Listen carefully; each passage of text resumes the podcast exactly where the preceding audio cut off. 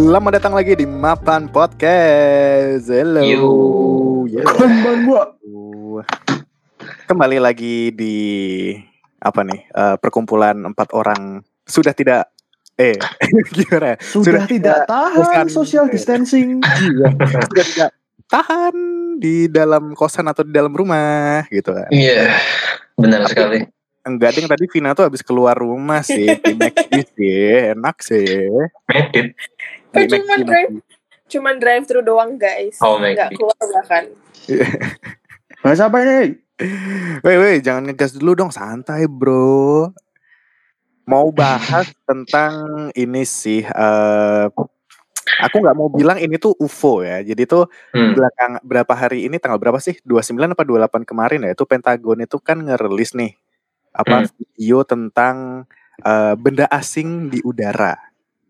Iya. Eh, dan itu kayak ada tiga video yang range dari tahun berapa ya? 2005 sampai 2015 kalau nggak salah. Oke. itu karena kita semua suka-suka konspirasi-konspirasi dikit-dikit tipis-tipis dan Vina Hmm. mulai suka dengan hal-hal eh, hal benda asing di udara itu jadi ya itu bahas aja bro. Mulai suka tuh gimana coba maksudnya? ya mulai suka semenjak kita nge-review ini kan bukunya Tom DeLonge yang Secret Machine. Ya. Kalau teman-teman kalian belum dengerin atau belum baca kalian cek aja di episodenya nggak tahu episode berapa season 2 kemarin. Silahkan dengarkan Gas. eh terus jadi ini nih eh aku pengen nanya kalian kalian tahu nggak sih eh, UAP itu kepanjangan dari apa Aku aku tahu, aku tahu, aku tahu, aku tahu. Tahu. Alvan Alvan apa Vian dulu deh kayak wild guess wild guess Apa U apa? UAP. Uap. Steam. I knew I knew you gonna say that. Ya bisa bisa. Skip skip sorry. Sorry pokok pokok. UAP. Dan UAP Unidentified ah. aircraft. P-nya nggak tahu. waduh close close U-nya bener A-nya close eh, P-nya ya Vina Masih. Vina coba kasih tahu Vina Unidentified aerial phenomenon. Yo, Oh, oke. Oh. Aerial phenomenon. Jadi kalau kalau UFO kan unidentified flying object. Mm-mm. Nah. Cuman eh, UFO itu kan lebih di apa ya? Spesifik. hubung-hubungkan apa? Lebih dispesifikan. Ya, lebih dispesifikan dan lebih dihubung-hubungkan kepada extraterrestrial life atau alien-alien yang ada di luar bumi ini gitu kan. Mm-mm. Tapi menurutku mereka itu bukan UFO. Mereka tapi lebih ke UAP. Eh, mereka tuh emang sebuah benda yang terbang atau objek yang terbang, tapi itu tuh sebenarnya man-made, bukan extraterrestrial made. Mereka siapa Hmm. sih? Eh, Videonya. objek-objek ini. Iya, objek-objek ini. Oh, Gitu. Menurut kalian gimana? Kalian percaya nggak sih tentang alien itu sendiri? percayalah. Iya. Oh, mungkin bukan ke alien ya, tapi lebih ke kehidupan selain manusia sih. Iya, iya. Aku percaya di di galaksi segede ini masa cuma kita doang gitu Pasti ada Iya. sesuatu. Ya walaupun mungkin bukan grey little people gitu, tapi pasti ada sesuatu. Mm-mm. Ini teman-teman ada yang nonton videonya kur ah susah ngomongnya. Kur gezak kur kur gezak. Kok pernah denger ya? Ya, aku juga pernah denger tuh. Jadi kalau aku sih eh, menyontek eh, apa namanya menyontek eh, statement yang ada di situ. Jadi em, kalau kehidupan kehidupan tuh bukan berarti intelijen ya kayak kita sentient intelligent gitu belum berarti. Tapi kehidupan yang levelnya misalnya mikroorganisme Hmm. itu scientifically eh, apa namanya speaking itu mungkin di salah satu bulan di Jupiter. Jadi di bulan di Jupiter tuh ada kan permu- permukaannya es kan. Mm-mm. Di bawah itu ada kemungkinan kehidupan itu ada di situ. Ya mungkin apa mungkin se kalau kalau aku pribadi sih when we talk about alien lebih ke yang seperti itu ya kalau dari aku. Hmm. Ya, ya, ya. Tapi Bisa aku ya. aku setuju sih sama Vian karena bukannya kayaknya tuh kemarin dulu kapan ya awal-awal Mars rover itu ngambil sampel-sampel di sana itu ada berita ini kan ditemukan kayak ancient bakteria atau apa yang ada di batu-batu gitu kan di Mars. Iya. Jadi boleh ngelengkapin nggak nih? Boleh. Jadi apa namanya em, di Mars itu ada ada yang udah pernah udah pernah dengar ini belum? Jadi di Mars itu ada semacam bukan sisa ya apa? ya, Kayak bekas sungai gitu loh. Kayak apa namanya? eh Ya. Intinya intinya apa se- secara geologis strukturnya itu tuh mirip dengan sungai. Jadi kemungkinan Hmm. pernah ada sungai, pernah ada air dalam bentuk liquid di Mars. Iya, iya. Dan ada ini ini juga kan teori yang sebenarnya tuh kita manusia tuh eh, makhluk-makhluk yang kabur di Mars dari Mars. Iya, iya, iya. Itu juga. Betul, betul.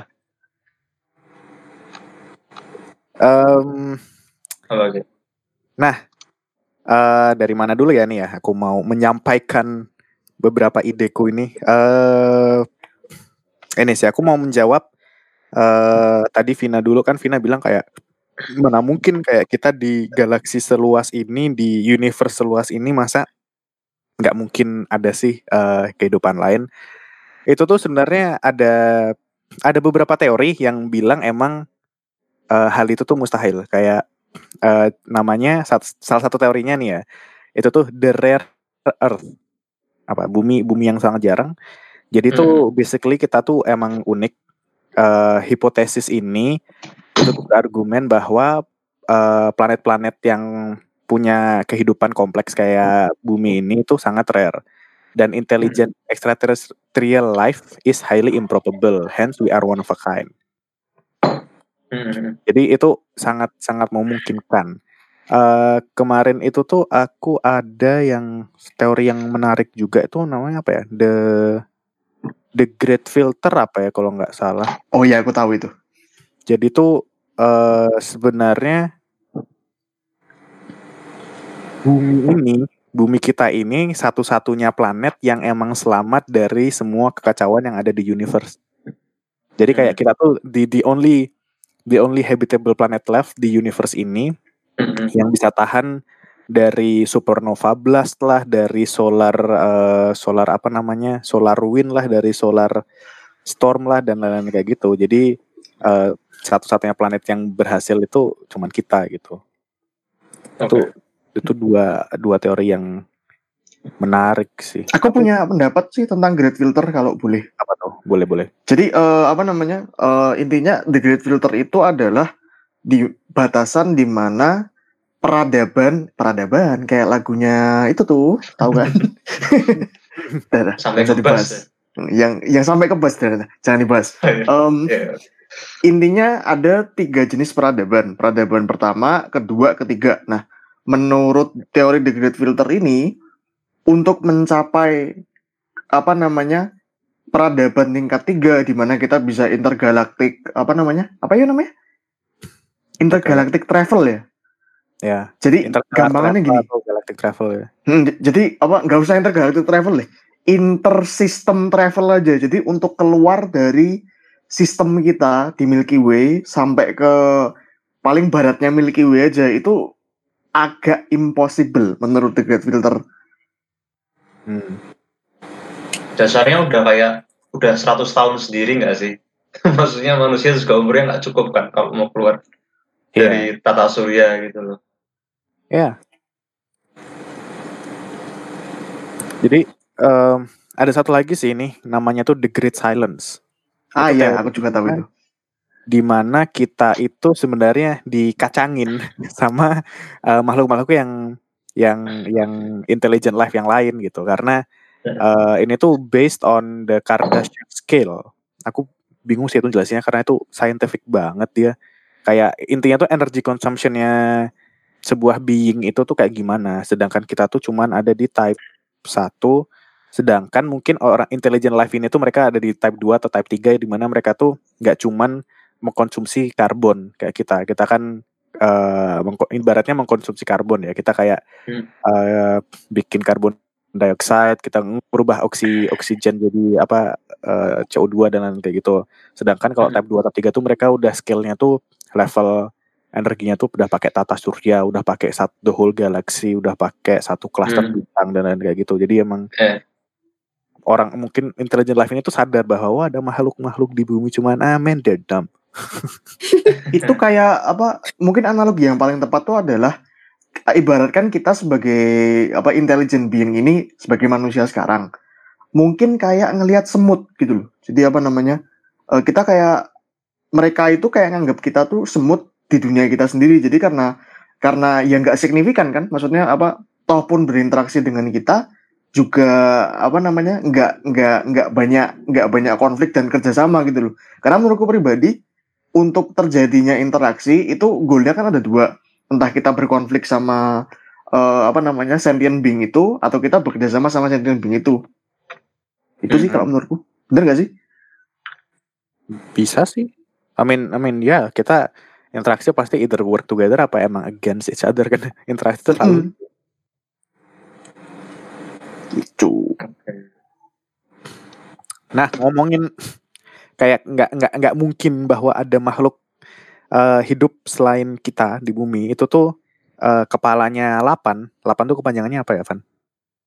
Lembaga antariksa something. Sorry. Lembaga antariksa EN-nya Hidup. nasional ya?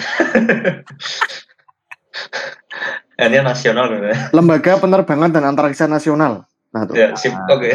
Kayak NASA-nya Indo gitu. NASA, NASA, NASA, NASA-nya Hmm. Indo. Wow. NASA Jawa. Kalau Eropa ESA. Oke. Esa. Tuhan yang Maha Esa. Ya. Siap, siap. Kalau nggak salah ESA sih. Lupa aku. Jadi Ya, si ya, ya. kepalanya 8 ini si Pak Bapak Thomas Jamaluddin dia tuh berpendapat setelah ngelihat video-videonya eh, dari Pentagon itu dia bilang dia yang stat pertama adalah tidak mungkin ada makhluk hidup yang bisa mencapai bumi dari planet yang sangat jauh yang jaraknya sudah dalam hitungan tahun cahaya. Iya. Kajian tentang UFO sebagai wahana alien dianggap pseudoscience, eh, sains semu karena ini memen- tidak memenuhi kaidah metode ilmiah. Kalau menurutku ya, eh, anjay. aku yang cuman eh, mahasiswa lulusan S1 yang sukanya baca-baca teori konspirasi tuh well ya kalau mungkin secara scientific impossible ya. Cuman kan eh, eh, who knows who knows mungkin kalau emang ada beneran what teknologi they have gitu kan kayak eh, tentang dark matter tentang apa sih being in a light year gitu. Kita juga belum pernah kayaknya kita belum pernah ada tes kan kayak manusia dimasukin ke vehicle yang bisa mencapai kecepatannya dengan kecepatan cahaya itu kita bakal breakdown apa enggak? Aku jadi ingat soal boleh namain nggak Nah, dikit soal apa? Ini nggak tahu sih aku ingat kata-katanya guru di SMP dulu, Hmm. guru IPA. Itu eh sebenarnya manusia tuh nggak bisa apa kita tuh nggak bisa yang namanya menyamakan eh, sama dengan kecepatan cahaya itu. Misalnya kecepatan kita, misalnya mobilnya sama dengan kecepatan cahaya, cahaya gitu ya. Itu kita hilang cuy. Jadi yang bisa kita lakukan tuh mendekati kecepatan cahaya, bukan menyamakan, bukan sama dengan kecepatan cahaya itu sendiri. Karena Bukan kalau kita sama, ya. Jadi kalau misalnya kita sama dengan, berarti kita udah hilang. Jadi kita cuma bisa pol-pol mentok gitu di mendekati kecepatan cahaya itu sih. Betul. Tapi itu pun teknologinya nggak tahu juga.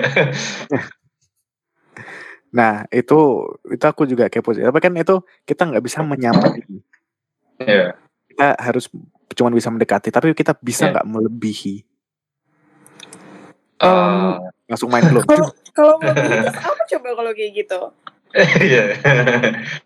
Karena kan maksudnya gini loh, kayak kap- kapasitas kita sebagai manusia itu kan kita tahu hal hal hal tercepat sekarang itu kecepatan cahaya kan. yes. Cuman what what if there is something faster than that yang kita belum tahu gitu loh. Jadi is it possible untuk melebihi kecepatan cahaya gitu. Kalian nonton Lucy nggak sih?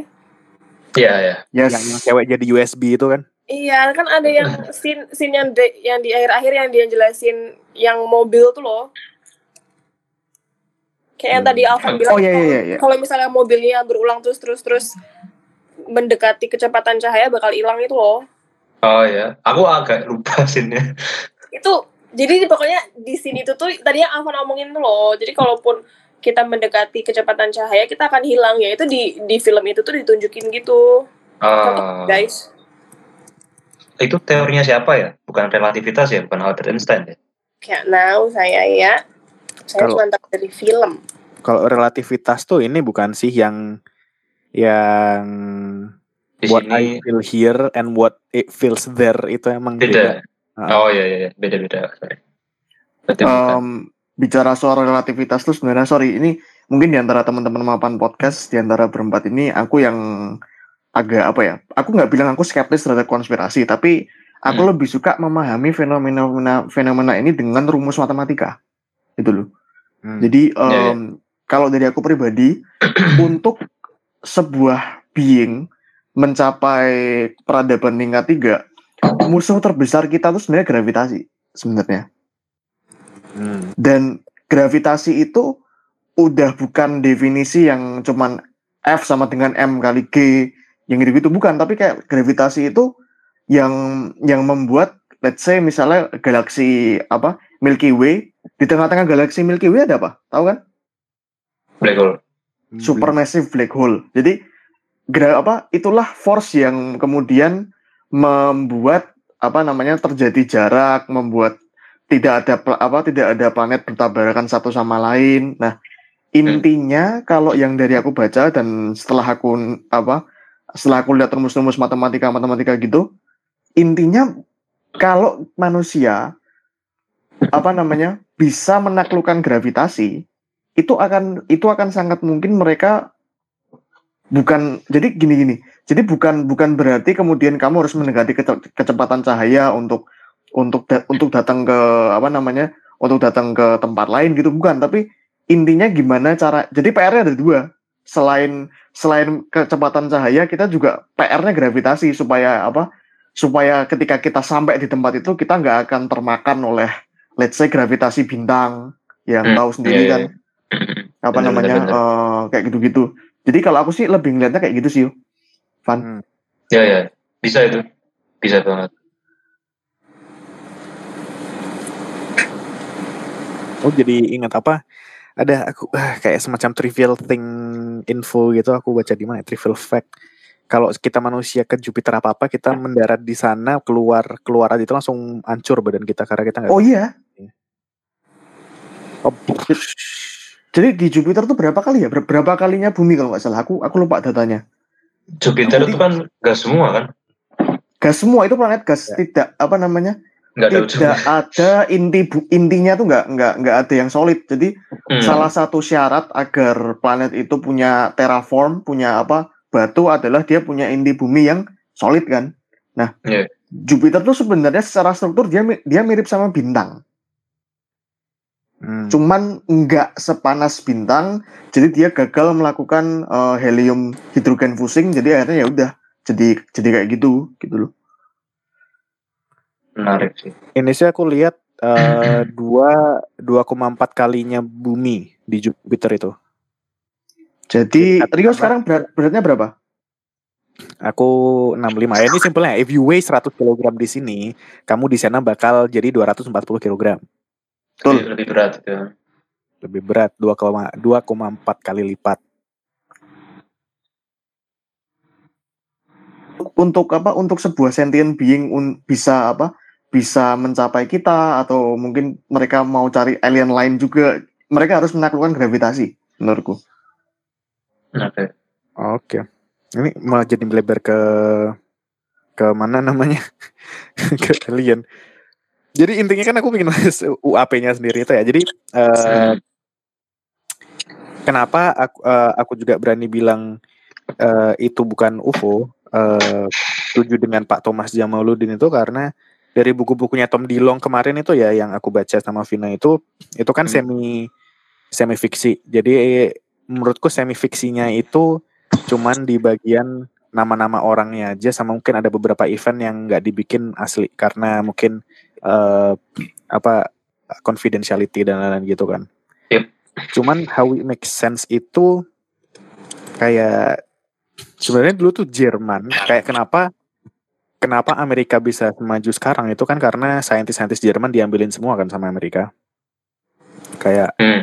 mereka dikasih green card, mereka bisa tinggal di US, tapi in- eh, intinya mereka harus kerja buat governmentnya US kayak gitu sampai sekarang. Jadi kalau inti Oke. dari buku itu sebenarnya itu sekarang Rusia dan Amerika itu masih ibaratnya perang dingin tapi secara teknologi.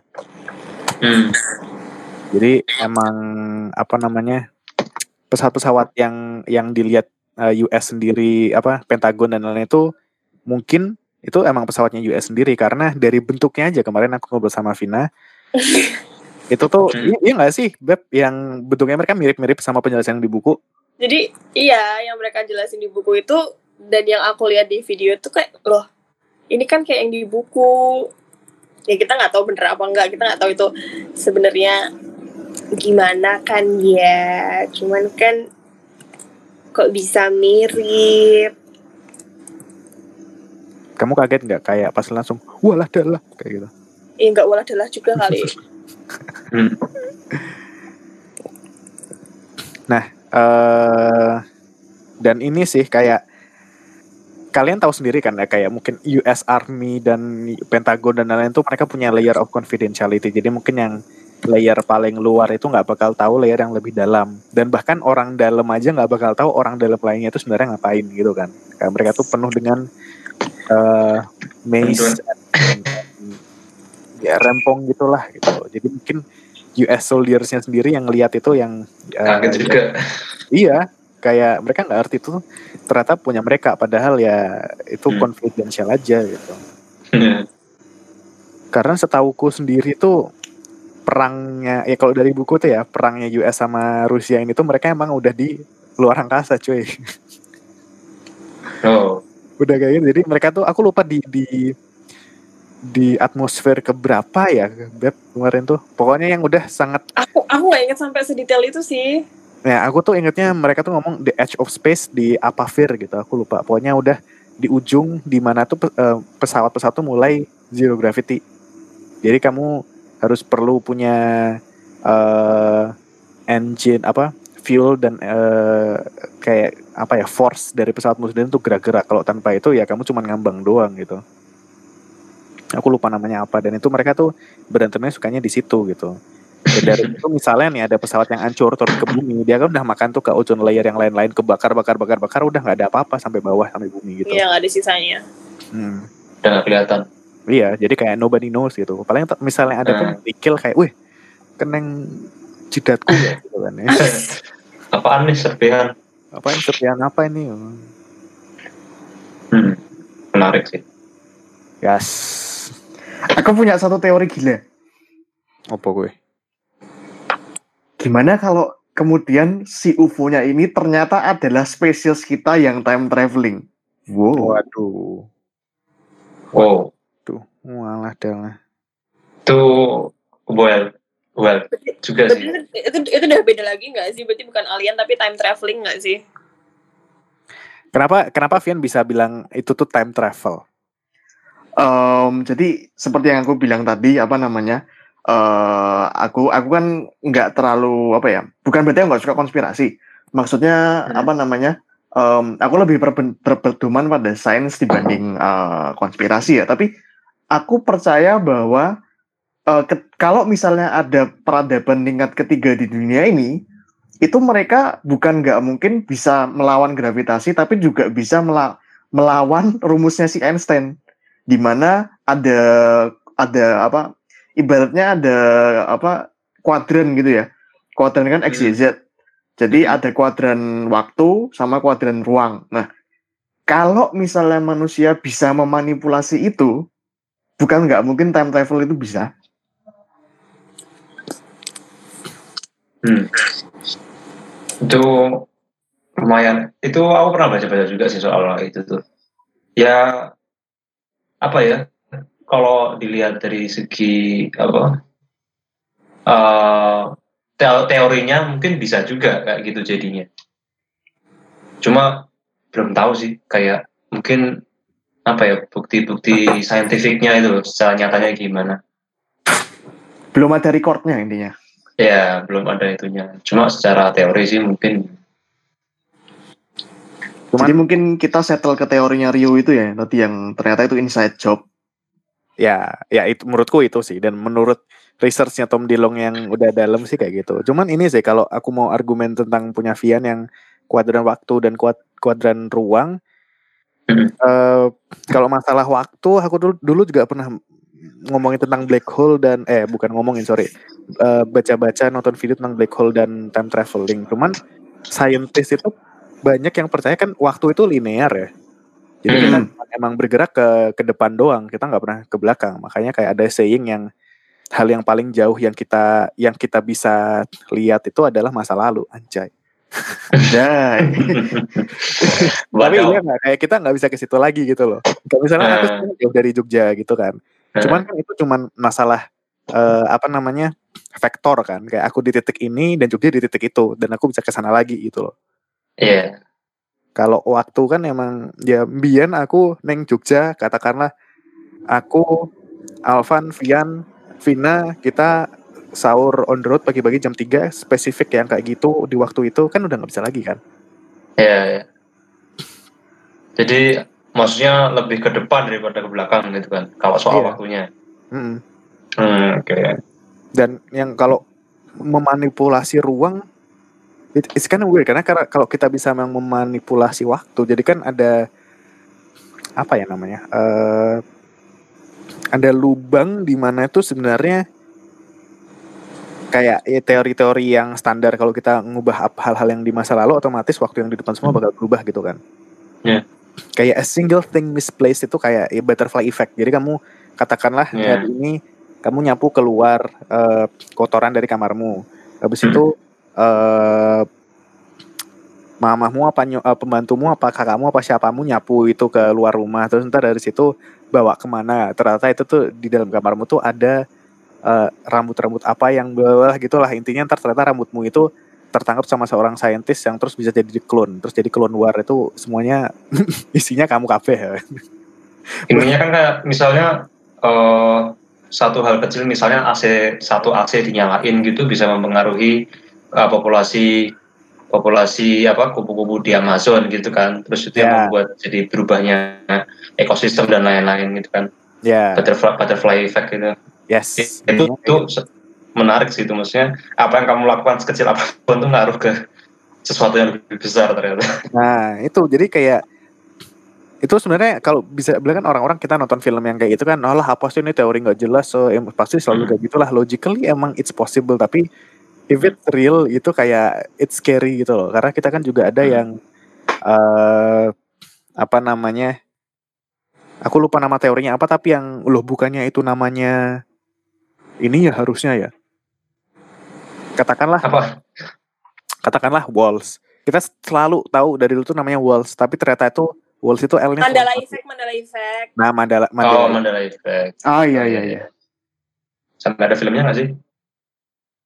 Ada filmnya kalau nggak salah. Mandela Effect. Eh, Film apa? Apa ap- apa efek gitu? Aku lihat trailernya kayak menarik sih, cuma aku nggak tahu apa efek. nonton kalau ada. Tuntas ini kamu nonton Nelson Mandela kan? enggak enggak bukan. Judulnya apa efek gitu kok lupa. Butterfly effect. Lupa. ya itulah pokoknya. Sorry aku malah jadi bawa teori yang agak gila untuk dibahas.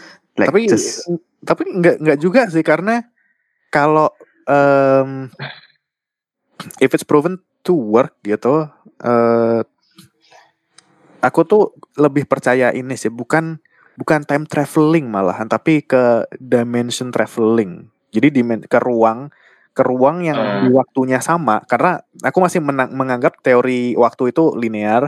Jadi di waktu Hmm. yang sama tapi ruangan yang berbeda itu tuh eh, hal yang terjadi beda-beda. Jadi intinya biasanya Hmm. kayak multiverse teori. Jadi misalnya kita sekarang ini udah modern nih 2020, tapi Hmm. di waktu yang sama, tapi di dimensi atau ruangan yang berbeda itu tuh masih Hmm. tahun 1920. Kalau dari kalian tuh eh, soal dimensi ya ini agak keluar dikit lagi nih. Hmm. Soal dimensi ya.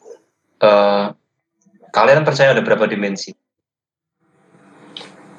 Unlimited, infinite. Emang normalnya berapa? Eh kalau aku ya maksudnya aku kalau aku sih ngelihat lihat sains dan lain-lain itu aku pasti nyambungin ke hal yang spiritual ya. Kalau aku pribadi. Hah. Nah kalau yang yang kita semua percaya ini sekarang, yang aku pernah baca-baca terus itu aku pernah baca buku, aku pernah ngasih kalau nggak salah. Buku soal Berapa? soal time travel kalau nggak salah. Tapi bukan spesifik ke time travel ya, dia bicarain soal ini yang nulis dosen dosen apa di UGM gitu kok. Jadi dia Yang- ngomong yang wormhole itu kan. ah yang wormhole itu. Jadi kita tuh di dimensi pertama dari tujuh dimensi gitu. Setiap dimensi, setiap angkanya lebih gede, waktunya tuh semakin melambat. Jadi kalau misalnya pernah kalian, maksudnya kalau di kepercayaan kita kan mesti ada ngomong kalau akhirat tuh kekal gitu ya. Hmm. Itu karena dimensi waktunya tuh semakin melambat, semakin nggak bergerak di situ gitu loh. Jadi Iya. kenapa kok Iya, iya.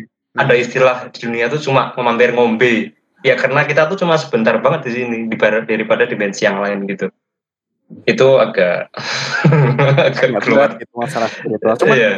it Tapi makes- aku punya pertanyaan, Van. Heeh.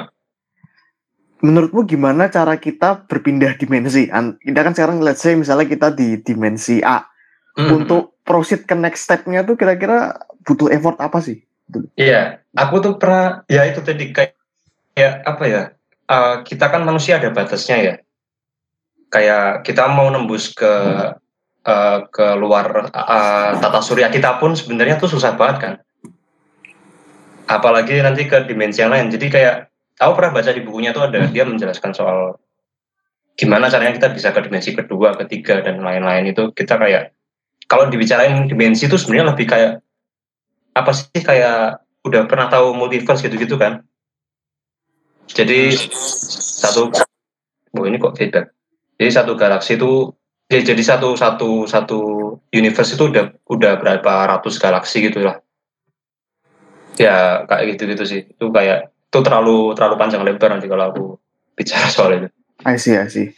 ya itu episode lain aja sih. Ntar kita Iya. ya, kan bahas itu Van besok kan kamu yang bawain Van. ya wes balik lagi tadi ke mana tadi?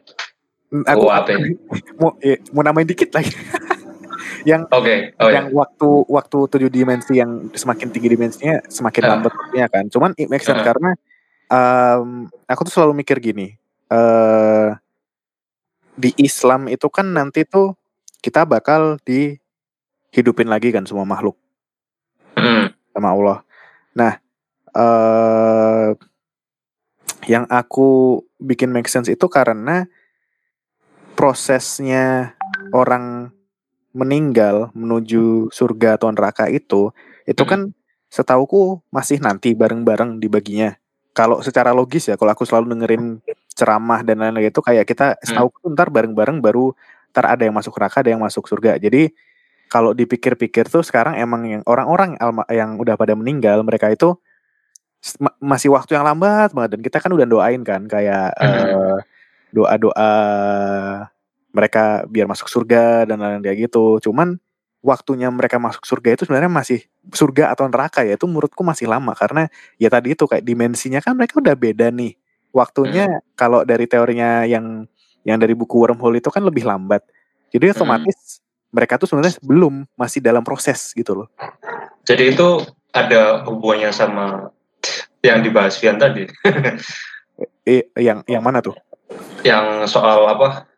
eh, bukan time travel ya maksudnya jadinya Ruang dan waktu itu. ruang dan waktu itu sih. Nah, Jadi kayak ya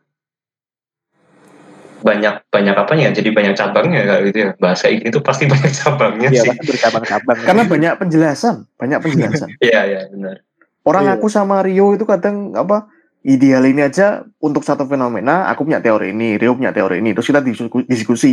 tapi kan yang benar kan seperti itu kan bukan kita bilang wah Rio teorinya nggak masuk akal iya Nah. tidak matematis iya iya iya Eh, ada macam-macam ya gitu sih. Jadi emang eh, ya let's let's let's wrap it up ya. Jadi intinya tuh kita mau emang bahas UAP. Jadi sebenarnya eh walaupun blebernya lumayan banyak kita cuman inti dari episode ini tuh UAP itu yang yang dirilis Pentagon dan lain-lain itu sebenarnya jangan takut guys itu tuh mereka bukan alien gitu dan less Eh, likely lah ya less likely to least least likely to be aliens and and most likely itu tuh emang senjatanya negara-negara yang udah maju sendiri gitu ya. Kayak US, eh, Rusia atau Jerman yang sekarang lagi ada di Argentina atau di di di Antartika aku nggak tahu pastinya kayak gimana.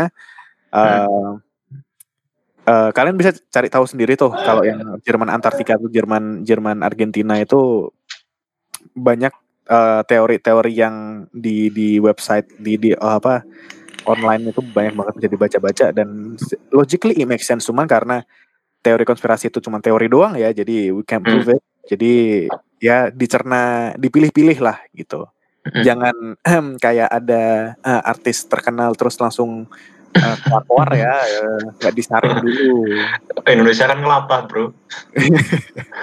Oh yang corona hoax. Disebutin lagi. Kan nggak nyebutin namanya itu. Iya. Kan aku kan Tapi ini aku tuh aku sebagai orang yang um, suka konspirasi teori dari SMP SMA grow up deep with it itu tuh Hmm. dia itu percaya tapi tanpa lebih dalam lagi dia tuh cuman aku melihat semua bahasan-bahasan orang ini itu tuh yang ada di online Hmm. dan orang-orang yang ibaratnya sama konspirasi teori itu masih noob gitu loh jadi kayak Ya. 5G causes coronavirus. Oke, eh, kalau emang bisa dibilang tower 5G itu bikin coronavirus, at least ada scientific explanation nggak bahwa kenapa 5G eh, tower 5G itu ada radiasi apa yang mungkin bisa bikin mutasi virus-virus atau bakteria atau mikroorganisme apa Yes. yang bikin manusia itu terus nggak tahan sama virus baru itu atau apa bakteri baru itu gitu loh kayak gitu kan make sense itu kan. Yeah. At least ada basic teori yang mungkin radiasinya itu kenapa itu that make sense. Cuman ini kayak t- eh, 5G towers creates coronavirus. Oke. Oke. Kayak, Seben- Sebenarnya tuh kan kayak lebih tepatnya kan harusnya kan ya oke dia nyebarin satu berita habis itu dia harus research banyak banget sebenarnya Iya. kayak ya kayak ini sih yang disebarin Pentagon itu itu kayak masih surface doang ya sebenarnya Masih surface kayak who knows eh, CNN aja bilang kayak who knows yang masih behind closed door itu berapa banyak gitu kan. Yang dia rilis Iya. itu total kayaknya baru baru 10 apa belasan gitu yang enggak aku ingat dari tahun berapa gitu. hmm. Itu bisa berpengaruh ke geopolitik juga nggak sih ada teknologi seperti itu gitu. Wah, sangat mempengaruhi. gimana mas Fian geopolitik lu lu ntar manusia-manusia yang kayak orang-orang awam seperti kita ini ya kayak wow gitu kan. ya Um, Oke, I guess I guess that's all deh. Ntar lanjut ngobrol malah bahasnya ke mana-mana gitu kan. jangan eksistensial krisis ya kalau bahas konspirasi itu. Yes, jangan Iya, iya. Karena itu semua hanya sebuah teori dan belum Iya. proven gitu. yes Oke guys. Kenapa? Soalnya aku pernah. Waduh. Dulu tuh siapa ya? Aku tuh pengen ngasih tahu tentang alien-alien tapi aku takut di existential crisis. Kayaknya Vina deh. Aku tuh pengen ngasih tahu Vina. Aku, aku, aku, Iya kan Vina tuh kamu Iya iya takut- Vina takut. crisis. oh makanya aku tuh penasaran tapi takut. eh, nggak apa-apa Iya. Karena kalau misalnya kalian, kalian jadi bayangin tuh loh, kalian cuma sekecil ini, terus galaksi masih segede itu, terus jadi mikirnya, ya kayak, kayak jadi mikirnya aku tuh cuma semut doang bagi orang lain, terus jadi kerasa ke- tertekan, tertekan, tertekan, terus, gitu. Eh. Di Google Maps aja kita nggak kelihatan sih. Dah berapa berapa? Oke oke oke guys. Uh, that's all uh, from us dari Yes. aku Rio. Gak Siapa? ada yang mau bikin. Aku Alvan. So asik banget sih. Loh, gimana sih? Loh, gimana? Biar asik gitu loh dari. uh, Oke guys, jadi terima kasih dari aku Rio. Jangan lupa like, subscribe. Kok malah langsung like subscribe. Like follow. Eh, eh follow deng, jangan di like. Nggak ada like. Oke, Kalau suka anyway. share ke teman-teman kalian. Ya, ya oke udah sampai share-share. Oke, pokoknya uh, semoga kalian enjoy di episode ini. Uh, Hmm. Kayaknya ke depannya asik nih Van kita bahas-bahas yang dimensi-dimensi itu. Bisa kalau teman-teman mapan podcast juga kalau tertarik itu juga. Boleh. langsung minggu depan kita keluarin Oke. itu. Oke, cuy. Oke guys, until next time. Bye bye. Bye. Di-